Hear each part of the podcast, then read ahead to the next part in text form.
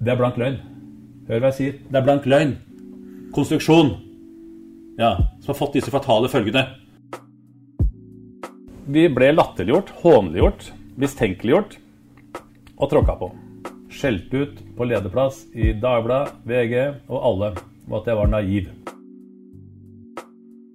Jeg, jeg begynte ikke i bransjen å bli populær, jeg begynte for å gjøre en jobb. Så kan man diskutere måten å gjøre den jobben på. Jeg aksepterer at jeg ikke alltid har vært like elegant. Men det er ingen som skal kunne ta meg på faktum. Aldri.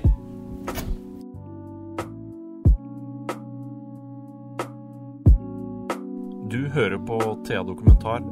Vi som lager Thea Dokumentar, er Erik Edvardsen. og Juni Vendelin Fasting. I denne podkastserien bidrar også ansvarlig redaktør Ove Meldingen som intervjuer. Dette er tredje og siste episode av I evig kamp. Da har vi vært gjennom to episoder der det har handlet mye om business. Sakene og kampene som Klomsæt har kjempet opp gjennom årene. Vi er ikke helt ferdig med det. Det kommer noe her i episode tre også. Men nå skal du få lov til å bli litt bedre kjent med personen Sigurd Klomsæt i tillegg. Men en sak som ganske sikkert eh, har vært kjip for deg, er jo den familiesaken med den eiendommen i Drangedal. Ja. Eh, din far sin eiendom, egentlig. Nei, det var min mor. Din mor sin Min mor. eiendom. Min mor. Det er min mors barndomshjem. Ja. Som, som du kom i strid med din bror om, og som du tapte, så det sang. Ja, jeg gjorde det. Eh, Fordi hvis du har vi- vitner som er villige til å lyve, så kan det gå den veien. Og det har jeg også anklaget eh, de to, eller min, min søskenbarn som hadde en del av eiendommen, for at de løy i retten, og det står jeg for. Arveoppgjøret i eh, Drangedal. I lang tid kranglet Sigurd Klomsæt med sin bror angående retten til deres felles barndomslandsted ved Tokevann i Drangedal. Broren hevdet at Sigurd i 2005 lurte moren til å overdra landstedet til ham, mens den senile moren lå på dødsleiet. Det er Sigurd Klomsæt uenig i. Oslo tingrett slo imidlertid fast at overdragelsen av landstedet fra deres mor til den ene broren var ugyldig. De fortalte at min mor da hadde sagt på en gang at måtte passe på at ikke jeg lurte min bror osv. Min mor var fullt klar over hva som skjedde. Og hun hadde to vitner som signerte disse dokumentene da det skjedde i april 2005. Og eh, ja Hvis du vil være lurvete og få vitner som forklarer seg annerledes enn eh, ja, Min far var veldig tydelig på den tiden at dette var feil. Og min bror saksøkte både min far og meg, og vi, ja, det var ikke noe ålreit. Men ikke, sier ikke det noe om deg, at ikke du, eller dere i familien klarer å forsone dere, finne en eller annen vei som alle kan leve med? ikke det en svakhet? At du er så stridig som du er? ja, når min bror valgte en offentlig linje Jeg var jo bl.a. flere ganger omtalt eh, reportasjer i Dagens Næringsliv med eh, hva var det, lastebilsjåføren, saksøker, advokatkjendisbroren osv. Så, videre, så har du lagt lista. Det var mye der. Og så hadde en, en advokat som eh, ja, Jeg vil ikke si mer om det, men det han var iallfall ikke redelig. Men det er sårt, ikke det? At du bærer med deg en sånn historie fra en Jeg vet at du satte både din mor og din far veldig høyt. Ja da, jeg, jeg stilte alltid opp for begge, så det var veldig trist. Eh, Men eh, det ble som det ble, og eh, jeg er mest sårt fordi at jeg har ikke den tilknytningen til Drangedal som jeg hadde. Mm. Vi var jo Dere var mye der om sommeren. og Ja, jeg hører jo andre Jeg født, jeg er oppvokst eh, Jeg er født på Aker i Oslo. Jeg har vært med i Kamp for å bevare sykehuset. Og nå eh, Jeg var oppvokst i Rødveien på Årvoll. Eh, Og vi var hele somrene i Drangedal. Alle ferier osv. Min farmor og farfar bodde på Våju. Min farfar var lærer, skoleinspektør på, på skolen der. med, med sagen og vannet og alt, ja. Ja, og så mine bestemor og morfar da lenger ute ved Tukkevannet. Så det var en flott plass, det. Så at, jeg skjønner at vi har vært heldige med å i det hele tatt. Vi hadde en, eh, en flott oppvekst der. Med mye arbeidsliv, da. Min morfar var anleggsarbeider på Sørlandsbanen, og en eh, mann som eh, ikke hadde veldig mye sans for ikke å jobbe. Så det, Det var ikke mye latmannsliv. nei da, men når jeg senere reiser på toget, så har jeg selvfølgelig markedsført det. At jeg, så jeg har hatt gleden av å være framme i på, Her har bestefar bygd. ja, Han var med å bygge tunnelene, tunnelene bort på, bort på Konsmo. De bodde der under krigen. Så det, ja da, en fin. Jeg kjørte min bestefelle rundt jeg, det, de stedene de hadde bodd senere. Men kan du ta oss eh, Ove kjenner jo dette, og du har jo vært inne i saken. Men dette, denne saken med din bror, altså, er det et arveoppgjør som gikk skeis? Eller kan du bare fortelle litt Et arveoppgjør, ja. eh, Altså, vi, det jeg, startet? jeg kjøpte eiendommen til høyest lovlig pris, var regulert, eh, prisregulert i 2005. Uh, min bror protesterte på det. Eh, Men han valgte å sitte rolig på gjerdet inntil tre år. Altså, de hadde vært i ferd med å bli forelda. Så gikk han til sak mot uh, min far og meg. Fordi at du hadde kjøpt, og han ville ha det? Han påstod at han uh, skulle ha like mye av den eiendommen som meg. Og jeg visste jo at ha noe felles med han, det var ikke aktuelt. Hvorfor det dere har ikke vært venner fra før dette heller, da? Jeg vil ikke si at vi ikke er venner, men vi hadde ikke noe sånt forhold som jeg ser andre søsken kan ha. Er dere flere søsken? Nei, Har du kontakt med din bror nå? nei overhodet ikke.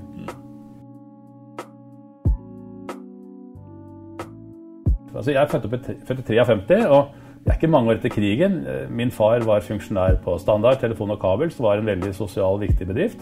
Og mor var, som det het, hjemmeværende, men jeg skal love deg, hun, eh, hun var aktiv. Uh, på alle mulige måter. Vi hadde en god oppvekst. Uh, og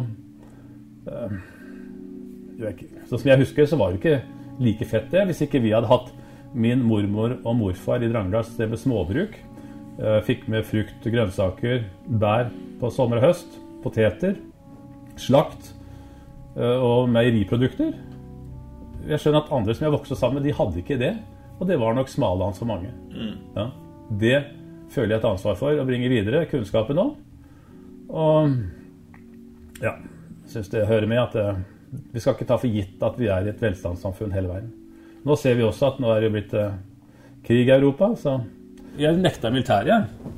Men, Du Så jeg, var prinsipielt pasifist. ja, ja, så jeg har statsgaranti på at jeg er pasifist, fordi at eh, jeg ble nekta å godta for, eh, av staten fordi jeg hadde vært på sesjon og hadde krysset opp et skjema om at jeg var interessert i utdanning i Forsvaret. Og fikk brev om at jeg var vurdert og funnet verdig som offisersemne.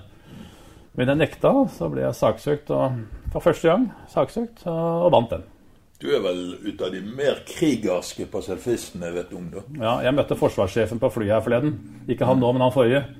Var det vel? Og sa at jeg beklager det nå. Jeg hadde ikke gjort det samme i dag. Du hadde stilt i uniform, ja. ja. Jeg føler at det i dag er viktig. riktig. Ja.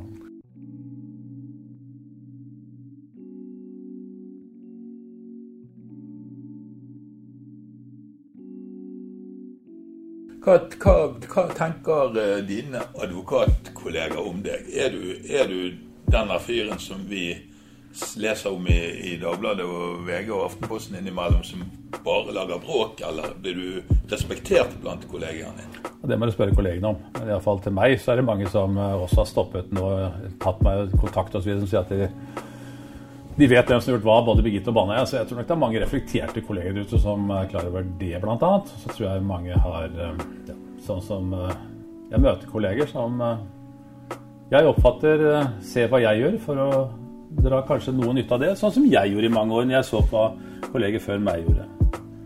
Jeg, jeg syns jeg har mange hyggelige kolleger. Jeg traff en annen her på en butikk her onsdag. Så, jeg beklager, jeg har vært litt sinna på dagen, men jeg skjønner jo at du har et engasjement. Ja, takk. Hyggelig. God påske. Nei, så jeg, jeg, jeg begynte ikke i bransjen å bli populær. Jeg begynte for å gjøre en jobb. Så kan man diskutere måten å gjøre den jobben på. Jeg aksepterer at jeg ikke alltid har vært like elegant. Var det en innrømmelse du likte å høre? Ja, veldig fint. Ja, ja. Ja. Det er min plikt, føler jeg, da, å ta igjen hvis det er dommere som oppfører seg ufint. Og det har det vært en del av gjennom eh, livet. Så er det mange måter å reagere på.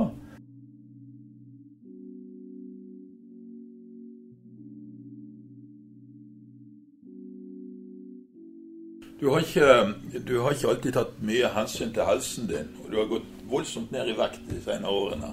Ja, Det er en villet opplevelse. Ja, du har rett og slett eh, sett lyset, eller er det fruen som har tvunget deg til det? Nei, nei, nei, jeg var oppe i 128 kilo. Eh, Så greide jeg å gå ned til 122, og så har jeg fått hjelp etter det. Jeg fikk diabetes eh, type 2. eh, Så jeg har gått ned nå til passerte 100 i morges. Litt av, jeg har to vekter. Den ene viste 100, den andre viste 95,5. Du tok Men det er samme type. Nei, nei, nei, jeg, du, nei da, det, det, Men du står ikke med én fot på hver ut av de, altså. jeg kom ikke hit for å bli fornærma. Nei, du gjorde ikke det. Nei, men jeg, nei, jeg, jeg tok det på alvor. Og så har gått på ski og så videre. Vi bor jo helt oppe i skaukanten på Lofthuset i Oslo, så det er en det er forbrytelse mot uh, å ikke gjøre det. Så jeg, nei, jeg, ja, jeg skal, eh, skal bli flinkere. Og så Nei, jeg har ikke prioritert helsa, men jeg har eh, tilstrebet å prioritere familien i perioder. Har du klart det, da? Nei da. Jeg, jeg, jeg gjennomgikk en sånn billedserie her om dagen. For disse mobiltelefonene viser hva du gjorde for et år siden, to år, tre, fire osv. Så, videre. så liksom alle så gikk jeg så om det. Så jeg Min kone, som jeg da har vært gift med siden eh, 77, vi har vært et par siden eh, i 50 år 73. Vi gikk på samme folkeskole på Årvoll, vi gikk på samme klasse på realskolen. Hun husker meg som jeg tør ikke si det engang. Og så gikk på gymnaset, men hun er smartere enn meg. Hun tok reallinje. Og eh, etterpå så så jeg meg litt rundt, og så satsa jeg der. Men det tok vel lang tid før hun skjønte at jeg var den rette. Mm. Faktisk veldig lang tid. Men eh, dere har holdt sammen i 50 år, altså. Ja. Du kan ikke være noe lett mann å være gift. Nei. Jeg har sagt mange ganger, det minner meg på at når jeg tar oppdrag her og der og reiser av gårde, ofte på søndager Den Siste saken her begynte på en mandag 14 år siden. 3 år siden. Og uka før så reiste jeg til uh, Vikafjellet over ned til Vik i Sogn for å forberede den saken. Altså en åtte timer hver vei. Så har jeg bare sagt at jeg bare må det. Jeg må på reise. Fram og tilbake. Så det blir nok en overgang nå når jeg skal ta det roligere. Så jeg har vært veldig mye på reise. Jeg har diamantkort på SAS og jeg trodde jeg fikk diamantkort på Choice-kjeden at det var fordi jeg var høy og mørk og kjekk. Det var ikke. Det var ikke derfor. Nei, nei, nei. Det var bare fordi jeg hadde betalt en halv million. Men, men eh, kommer du til klar- Hva vil det si å ta det roligere? Altså 25. april Nei, nå er jeg i en sånn uh, overgangsperiode. Så du jobber med saken, altså? Jeg jobber med saken. Jeg Stå vært- fire i morges? Nei, det var fordi at jeg hadde mye jeg måtte gjøre noen frister. Det var, eh, det var noe som plagde meg. Jeg, jeg, hvis jeg ikke er à jour, så sover jeg dårlig. Jeg hadde som mål, og var sånn i mange år, at jeg skulle være i bilen når jeg var hjemme, og så skulle jeg kunne høre sexnyhetene. Og så hadde jeg den beste arbeidstida fram til de andre kom på jobb, sånn i 8-9-tida. Jeg var en racer på diktafon. Du kan jo spørre noen av mine sekretærer. Jeg hadde en stabil arbeidsstokk i mange år. Ble dessverre splitta miljø når jeg ble bevillingsløs. Den ene sekretæren hadde vært som meg i altså 13 år, den andre hadde vært i ja, eh, 20. eh, Så ble hun pensjonert, da. Men eh, nei, jeg føler at jeg har hatt noen utfordringer som har eh, vært tunge. Ja. Men hvordan har det vært, og du sier du har vært mye på reise. Har du vært hjemme? Altså, Har du følt at du har prioritert familien? Hva har dere gjort? To, to døtre To døtre og en sønn. og en sønn. Eldste De er født i da 82, 84, 91. På den tiden så de deg i det hele tatt? Ja da, de har vært, eh, Lisbeth, eh, min kone, har vært hjemmeværende, så hun har ivaretatt det gode. Nå vi jo Men nå spurte vi om, du, om de så deg. Jeg har tilstrebet alltid å være hjemme i helgene. Har du fått det til, da? Ja, bortsett fra faktisk under et et par ganger, bl.a. under uh, Birgitte-saken. fordi da var uh, flyvelederstreik den siste helga. Vi tok ikke sjansen på å reise hjem. Så da dro jeg på befaring på de aktuelle stedene. Ja. Ble kjørt rundt av en fetter av faren min. Så, jo, ja. Ja, vi var på en runde der. Vi var jo også det var på befaring. Jeg, jeg hadde jo ikke mulighet for å delta i førsteinstansbehandlingen da den gikk i Prøv å snakke det vekk fra det familielivet, men eh, vi lurte litt på familielivet og, og ungen, og var dere ute på ski? Ja da, ja da, ja da, de har hatt en god oppvekst. Det sier de selv iallfall.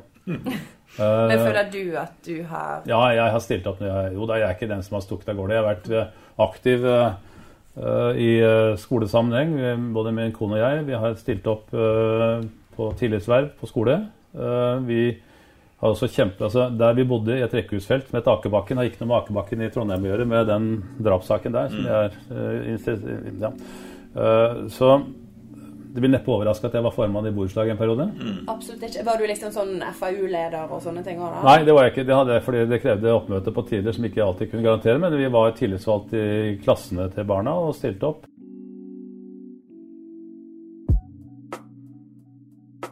Hvis du, hvis du ser tilbake på ditt advokatliv, føler du at du har vært til nytte i dette samfunnet?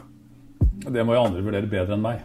Men eh, Hva tenker du? Er, du, er det sånn at det fikk jeg ikke helt til, og det fikk jeg ikke helt til? Eller er det sånn at du virkelig gleder deg over de tingene du faktisk har fått til? Er glasset halvfullt, eller er det halvtomt?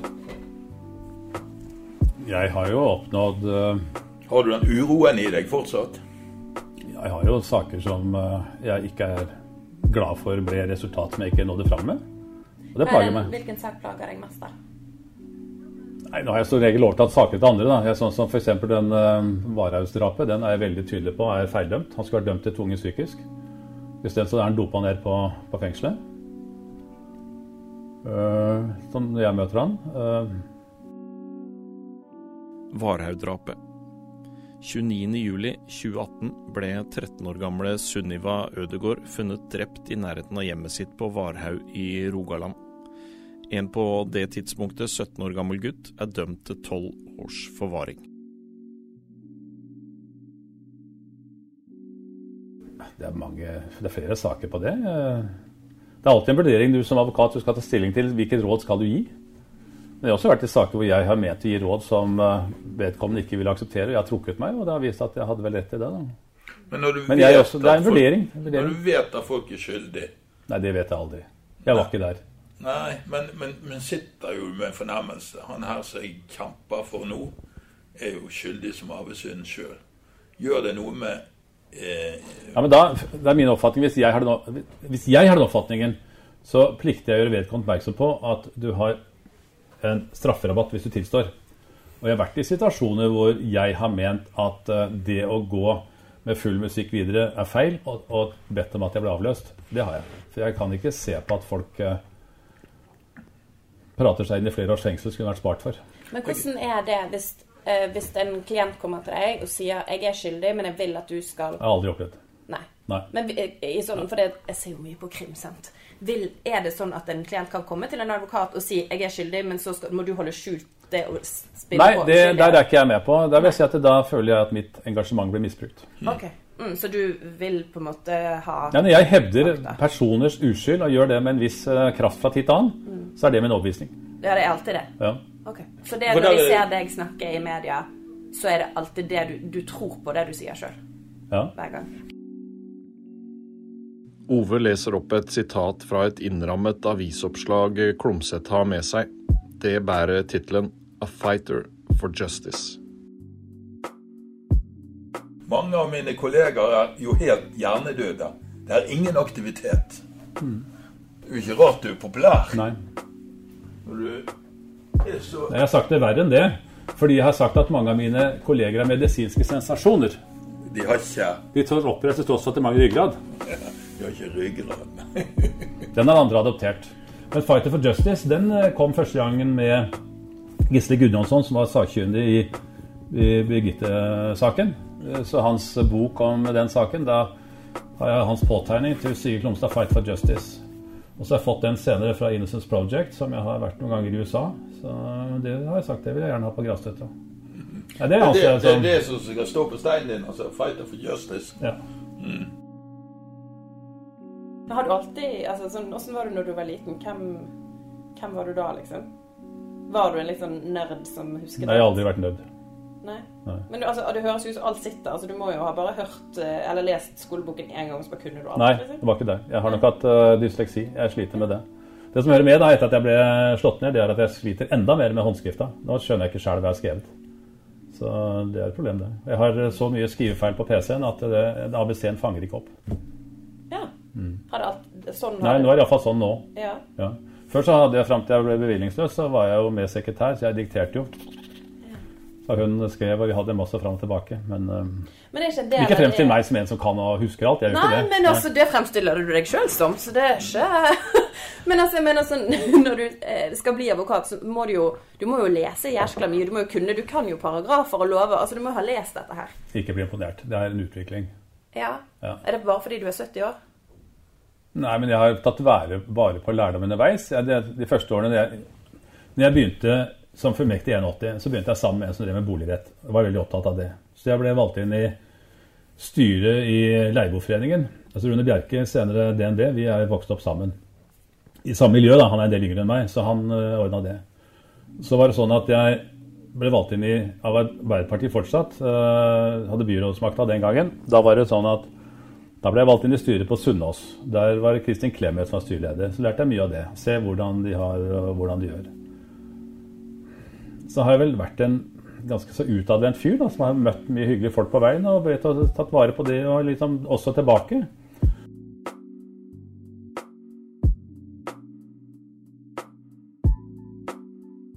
Så en historie som er kanskje litt utrolig, men på et tidspunkt så tok uh, Knut Holen, som jeg hadde lært å kjenne tidligere som, uh, Han var stasjonssjef på Økern politistasjon. Og han hadde en saksleder som het uh, Jan Valentin Løkke, som jeg blitt kjent med forskjellig.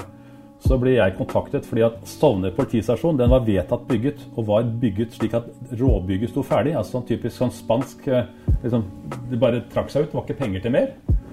Så sier Knut uh, til meg Sigurd, vi må gjøre noe. Han var også Arbeiderpartimann. Og så sa at du, vi må få til dette her. Hva gjør vi da? Ok. Ja vel. Jeg innkalte Rune Bjerke, som var finansbyråd. Fikk jeg inn den. Og Rune Gerhardsen, som var byråleder. Så hadde de med seg en fyr som satt på høyre side, ganske beskjeden, som rådgiver. Det var jo um, Jan Bøhler, viser det seg. Eh, så var det en fyr til som jeg ikke visste hvem var, men i løpet av det møtet så ble det vedtatt at den, bygge, den byggingen skal gjenopptas. Sånn ble det. Så sånn sett har jeg bidratt til en politistasjon. da. Ble, miljø. men du, du, du, har jo du Jeg kommer til poenget. Ja. Ja, det, det, er at, det er ikke sikkert. Det, det er at senere, når datter, eldste datter ble toller, så var det en ny tolldirektør som gikk rundt og hilste på disse menneskene. Og så kommer han til datteren Marianne og sier han, Klomsøt, du må være datter av Sigurd? Ja. ja, jeg har møtt han. Ja vel. Når da? Så kommer den historien. Han som satt ved skjegget i det møtet med byrådsleder og byrådsvinner, det var da han som var kemner i Oslo den gangen. Som rådde over penga. Mm. Så var, vi var ganske kort beslutning... Ja, greit. Vi, fikk, eh, vi, var blant venner og fikk uh, gjort det. Så senere så ble jo Etter den bygginga der så ble den ene bilen jeg hadde, en uh, Toyota Carina, var det vel, uh, stjålet. Og den ble funnet da mens jeg holdt på med en stor sak på Sørlandet. Funnet igjen med fuck you med blodskrift i taket. Det likte vi dårlig. Så da patruljerte uh, politiet en gang eller to i dørene. Og det syntes jo naboen var stas.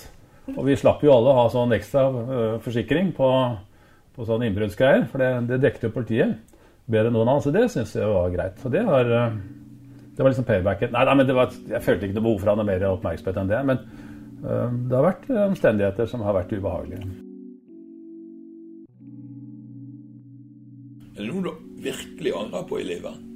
Noen, noen, veier du ikke har gått som du kunne tenke deg å gå? Ja, jeg er lei meg for at jeg ikke tok studiet mer alvorlig. Mm.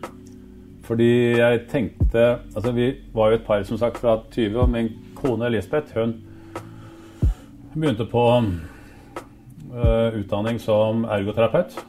Og begynte å jobbe som det for Ragnar Ringdal. Sier ikke det nå, men altså barn med Downs og annet.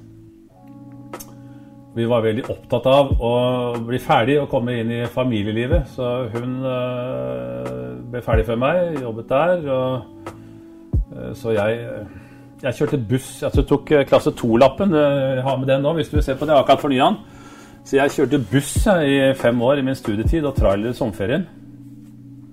For å finansiere, så vi var jo sånn sett eh, litt skryt kanskje, men vi hadde jo ikke studiegjeld når vi var ferdig. Så da når Lisbeth var ferdig først, så skrev jeg brev til Lånekassen om hvordan dette skulle ordne. De hadde ikke system for hvordan innbetale ekstraordinære studielån. Så skriver de til, tilbake til Lisbeth at vi har fått brev fra deres far Sigurd Opseth. Så nei, hun, det er hun som har styrt økonomien og vært uh, enestående også på det. Hva som gjør at du falt sånn for hånd, da? Sjarmerende. Hun var jo jente med bein i nesa. Hadde jo, vi hadde jo gått sammen på skolen, og jeg hadde jo rappa særoppgaven hennes som jeg skrev av. Uh, det var en urolig klasse. Så Nei, det var Jeg vet ikke. Det Aldri angra på det. Er du forelsket ennå, liksom? Ja. eh, Nå skal vi til Danmark neste uke. Skal litt sånn før eh, bursdag. Vi er veldig opptatt av Danmark. Liksom, vi finner de rette stedene. Så fint. Men er du forelsket i henne ennå? Ja, må jo si det. Det er ikke sikkert hun opplever det hver dag, men Hvordan får man det til å vare i 50-åra? tålmodig kone. Ja, så det er ikke noe fra din side? Altså, det blir veldig personlig, men altså, jeg er veldig tydelig på at eh, de valgene var riktig av meg. Hva mener du? Å Velge hun. Ja, Det må jo være det du mente. ja. Pent sagt. Ja, men du Altså, så det er bare hun Men nå prater vi om noe som hun misliker, hvis hun skal høre på. Nei, men hun eh, liker ikke det personlige. Hun er veldig tilbakeholdende. Hun syns det er veldig Så dere er veldig forskjellige, da, med andre ord? Ja, på sett og vis er vi det, men Du er jo ikke tilbakeholden. Jeg er en sjenert fyr, jeg. Egentlig var jeg det. Du har jo bekjempet det ganske bra, da. Ja, Ja, det må man kunne si. ja. Men det er nok også fordi at jeg har hatt en utadvendt holdning til det å være advokat, svare på spørsmål, være til stede og svare på sånn. Men jeg kan love den journalisten som ringte når vi holdt med AUF-saken, så ble vi lovet at vi skulle få innstillingen fra politiet til statsadvokat bekjentgjort til oss. Så, fikk vi, så sa statsadvokaten nei. Det er jeg glad for senere, for det ble veldig lekkasje. Og da, da var det journalisten fra Dagbladet som ringte klokka fem om morgenen for å få kommentar til den tiltalen, eller hva det var. Jeg kan love han ringte aldri. Og min kone tok telefonen. Han ringte aldri igjen. Fordi hun sa Nei, det var veldig tydelig. veldig tydelig. Det er noen som ringer og maser av og til, og hvis hun tar telefonen, så ringer ikke de så veldig mye tilbake. Sånn helt, helt mot slutten. Eh, sønnen og døtrene dine, er de stolt av krigeren de har til far? Ja, jeg tror nok det er eh, Ikke når det er så mye negativt som det er i perioder. Eh, Er det ubehagelig å, være, ja. å ha deg som far? Nei, jeg tror ikke det, men de ser nok hva jeg har vært gjennom òg. For de føler mye at dette er eh, ganske ubehagelig. Og det, når du har et kjent navn med, som er litt spesielt, så er nok det ikke greit. Men hvordan har det vært for deg, da? Eh, For du har jo Jeg har alltid vært åpen på det som kommer fram. Ja. Men hvordan har det vært å ha en fami et familieliv samtidig? Føler du at Har du tatt noen hensyn på den måten, eller hvordan har dere liksom håndtert det hjemme? Når det har vært kritikk i media? Nei, det snakker vi om. Ja. Mm. Ja. Noe, noe kritikken er berettiget fra annen nå. Jeg må jo erkjenne det. Sånn, den Premiestellen var ikke heldig, den. Har du vurdert å gi det noen gang? Nei. Aldri? Nei, Nei ikke det. Men, Men jeg hadde planlagt at jeg skulle ta et år eller to som bussjåfør igjen. Men det blir så jævla komplisert. Du må føre med kurs og fram og tilbake, så jeg har jo slått fra meg det da. Men eh, jeg ble minnet på det forleden, for at jeg, jeg var borte i Stavanger, og så skulle jeg kjøre tog til, eh, til, eh, ned, til en annen by der, og så kommer konduktøren, og jeg betaler, tenkte jeg, etterpå. Så jeg skulle hjem og tenkte, faen, jeg, jeg er jo pensjonist. Så kommer poenget. Ja, da det kom en billett på at jeg var eh, pensjonist, så ber konduktøren om bevis. Da var du litt fornøyd. Jeg syns jeg er en nydelig avslutning. Sigurd Klomsæt, han er 70 år 25. April, april. ja. Jeg sier ikke gammel, jeg sier ung. 70 år ung. Du ser for deg 20 gode år til. Jeg gjør det. Ja. Men da må jeg trene mer. Eller trene.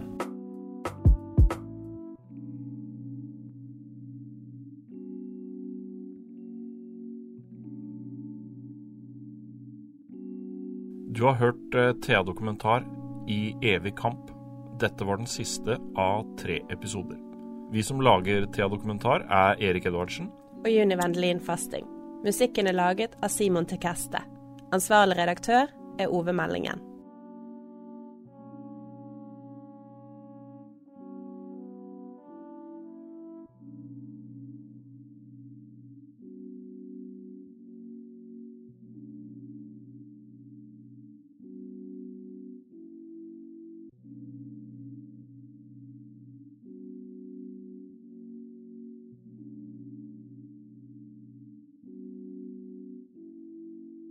Har du et enkeltpersonforetak eller en liten bedrift? Da er du sikkert lei av å høre meg snakke om hvor enkelt det er med kvitteringer og bilag i fiken, så vi eh, gir oss her, vi.